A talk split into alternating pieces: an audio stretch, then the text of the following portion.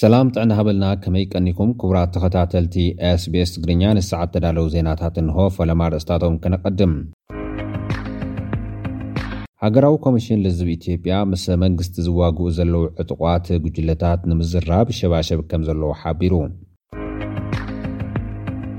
ቢሮ ጥዕና ትግራይ ሓገዝ ናውቲ ክቕፅል ሓቲቱ። ወከልቲ ሃገራዊ ሕብረት ደቂ ኣንስትዮ ኤርትራ ዞባ ማእኸል ብዛዕባ ተመሓላለፍትን ዘይተመሓላልፍትን ሕማማት ኣብ ዝተኻየደ ሰሚናር ተሳቲፈን። ካብ ሃገሮም ዝተሰደዱ ሱዳናውያን ኣብ ኢትዮጵያ ከምዝሞቱ ተሰሚዑ።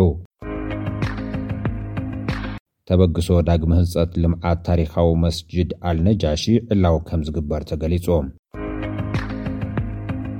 ኣብ ፌስቲቫል ኤርትራውያን ሽቱትጋርት ሰላሳን ክልተን ሰባት ከምዝቖሰሉ ተሓቢሩ። ኤርትራውያንን ኢትዮጵያውያንን ከምዝጥቀምሉ ዝንገረሉ ቪዛ ፖላንድ ከቢድ ሕቶ ኣበጊሱ ከምዘሎ ተገሊፁ ዝብሉ ነዚ ሰዓት እተዳለዉ ዜናታት እዮም። ናብ ዝርዝራቶም ክንቅጽል። ሃገራዊ ኮሚሽን ልዝብ ኢትዮጵያ ምስ መንግስቲ ዝዋግኡ ዘለዉ ዕጡቓት ጉጅለታት ንምዝርራብ ይሸባሸብ ከም ዘሎ ኣፍሊጡ። ኣባል ናይቲ ኮሚሽን ኮሚሽነር ዮናስ ኣዳነ ኣብ ዝሃብዎ ሓበሬታ፣ ሃገራዊ ኮሚሽን ልዝብ ምስ መንግስቲ ዝዋግኡ ዘለዉ ዕጡቓት ጉጅለታት ንምዝርራብ ይሸባሸቡ ከም ዘለዉ ሓቢሮም ኣለዉ። ኣብ ክልላት ኣምሓራን ኦሮምያን ዝርከቡ ዕጡቓት ጉጅለታት ብውልቂ ንምርካብ ፍሉይ ፃዕሪ ከምዝተገብረ እውን ገሊፆም እዮም። ኮሚሽን ፖለቲካዊ ልዝብ ኢትዮጵያ ብዛዕባ እቲ ጉዳይ ምስ ኣካላት መንግስቲ ከምዝተዘራረበን መንግስቲ ምስቶም ዕጡቓት ጉጅለታት ንምዝራብ ድልውነቱ ከምዝገለፀን እቶም ኮሚሽነር ሓቢሮም እዮም። ክሳብ ሕዚ ምስ ምሁራት ክልል ኣምሓራን መራሕቲ እቲ ክልልን ከምኡ እውን ምስ ሰበስልጣን መንግስቲ ኦሮምያ ብዛዕባ እቲ ኣብ ክልል ኦሮምያ ዘሎ ጎንፂ ኣመልኪቱ ዝርርብ ከምዝተኻየደ እውን ኣረጋጊፆም። ብተወሳኺ ውፅኢት ፃዕሪ እቲ ኮሚሽን ኣብ ቀፃሊ ንህዝቢ ወግዓዊ ከምዝኸውን እውን እቶም ኮሚሽነር ገሊፆም ኣለው። ቢሮ ጥዕና ትግራይ ሓገዝ ናውቲ ክቕፅል ሓቲቱ። ኣብ ክሊ ጥዕና ዘለዉ ሕፅረታት ሰፋሕቲ ብምዃኖም ኣብ መላእ ዓለም ዝርከቡ ተጋሩን ፈተውቶምን ሓገዞም ከጠናኽሩ ከምዝግባእ ቢሮ ጥዕና ትግራይ ኣገንዚቡ ኣሎ። ማሕበር ልምዓት መኸተ ትግራይ ኣብ ሃገረ እንግሊዝ ምስ ትካል ጥዕና ፒዝዮኔት ብምትሕብባር ሸውዓተ ነጥቢ ሓሙሽተ ሚልየን ብር ዝዋግኦም ዊልቸራት፣ ዓራውትን ካልኦት ናውቲ ሕክምናን ብማሕበር ልምዓት ትግራይ ኣቢሎም ንቢሮ ሓለዋ ጥዕና ብሓገዝ ከምዝተረከቡ ዋና ፀሓፊት እታ ማሕበር ወይዘሮ ኣስቴር ሓጎስ ሓቢረን ኣለዋ። ኣብቲ ምርኽኻብ ሓገዝ ዝተረኽቡ ሓላፊ ቢሮ ጥዕና እቲ ክልል ዝኾኑ ዶክተር ኣማኑኤል ሃይለ፣ እቲ ሓገዝ ናብ ትግራይ ንኽበፅሕ ግደ ማሕበር ልምዓት ትግራይ ዕዙዝ ምንባሩ ብምግላፅ ብፍትሓውነት ከምዝከፋፈል እውን ኣመልኪቶም ኣለው። ወከልቲ ሃገራዊ ሕብረት ደቂ ኣንስትዮ ኤርትራ ዞባ ማእኸል ብዛዕባ ተመሓላለፍትን ዘይተመሓላልፍትን ሕማማት ኣብ ዝተኻየደ ሰሚናር ተሳቲፈን። ኣብቲ ዝተኻየደ ሰሚናር ኣብ ጠንቅታትን ሳዕቤናታን ሕማማት፣ ተሳትፎ ህዝቢ ኣብ ምክልኻል ዝርግሐ ሕማማት፣ ከምኡ እውን ተራ ደቂ ኣንስትዮ ኣብ ትግባረ እቲ መደብ ዘተኮረ እዩ ተባሂሉ። ኣብ ጨንፈር ሚኒስትሪ ጥዕና ሓላፊ ናይቲ ከባቢ ሓበሬታን ፕሮሞሽንን ኣይተ ሃብተ ገብረመስቀል ኣብ ዝሃቦ ሓሳብ፣ ተሳተፍቲ ሰሚናር ዘይተመሓላለፍትን ተመሓላለፍትን ሕማማት ኣብ ሕብረተሰብ ዘስዕቦ ፀገማትን ብኸመይ ከምዝፍታሕን መሰረታዊ ርድኢት ሒዘን ክወፃ ተስፍኡ ገሊፁ።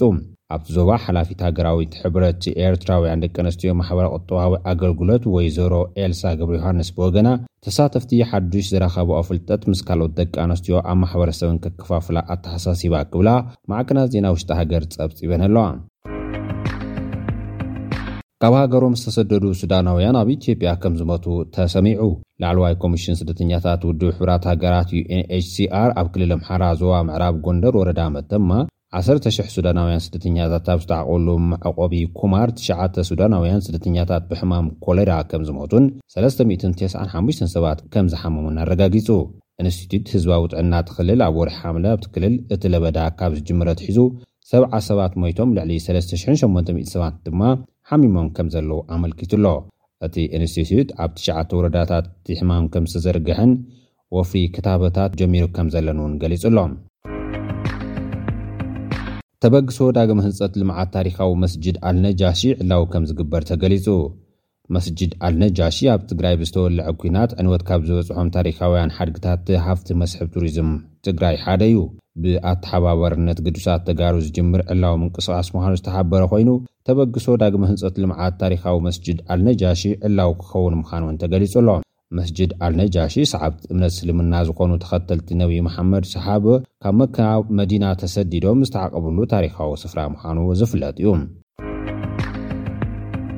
ኣብ ፌስቲቫል ኤርትራውያን ሽቱትጋርድ ሰላሳን ክልተን ሰባት ቆሲሎም ተባሂሉ። ኣገልግሎት ዜና ኣሶሴይትድ ፕረስ ንምንጭታት ጸሪሑ ከም ዝሓበሮ፣ ብቐዳም ኣብ ፌስቲቫል ኤርትራውያን ሽቱትጋርድ ጀርመን ብዝተፈጥረ ናዕቢ ዓስርተታት ቆሲሎም ከም ዘለዉ ገሊጹ ኣሎ።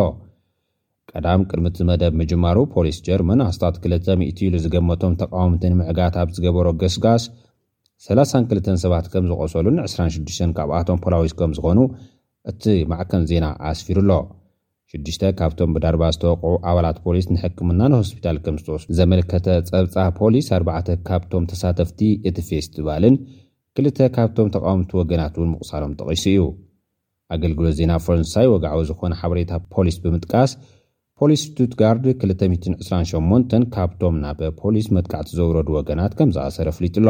ጸጥታ እቲ ፌስቲቫል ንምሕላው ኣስታት ሰለስተ ሚእቲ ኣባላት ፖሊስ ተዋፊሮም ምንባሮም ኣገልግሎት ዜና ፈረንሳይ ዝጠቐሰ ኮይኑ፣ ክንድኡ ዝመስል ዕግርግር ብዓይነቱን ድፍኢቱን ግና ኣይተጸበናን ኢሉ ምክትል ኮሚሽነር ፖሊስ ሽቱትጋርድ ዝኾነ ካርሰን ሆፍለር ክብል እቲ ሓበሬታ ኣመልኪቱ ኣሎ።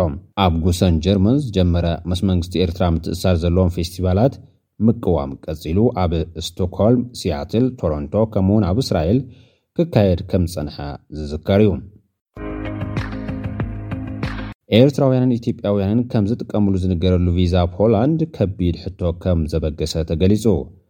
ኣፈ ጉባኤ ላዕለዋይ ባይቶ ፖላንድ፣ መንግስቲ ብዛዕባ እቲ እናወሰኸ ዝመጽእ ዘሎ ምስ መእተዊ ቪዛ ናብታ ሃገር ዝተኣሳሰር ብልሽውና ዝፈልጦ ሓቅታት ክገልጽ ጸዊዑ ኣሎ። ኣፈ ጉባኤ ቶማስ ግሮድዝጊ፣ እዚ ጉዳይ ንፖላንድ ከም ሓንቲ ሓላፍነታዊትን ዴሞክራሲያዊትን ሃገር ዝነኣድ እውን እዩ ክብል እዩ ኣብ ቴሌቪዥን እታ ሃገር ቀሪቡ ተዛሪቡ ዘሎ።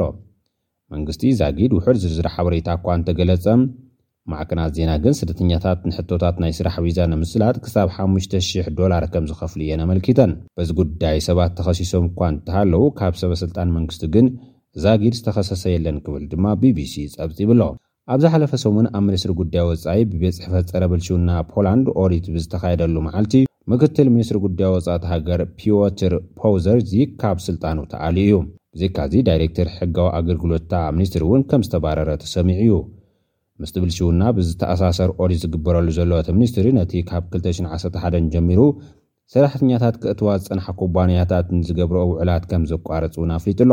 ኣባላት ባይቶ ተቓወምቲ ውድባት ካብ ኤስያን ኣፍሪካን ንስራሕ ብዝብል ክሳብ ክልተ ሚእትን ሓምሳን ሽሕ ቪዛ ብዘይስሩዕ መገዲ ንኩባንያታት ከም ዝተውሃበ እዮም ገሊጾም።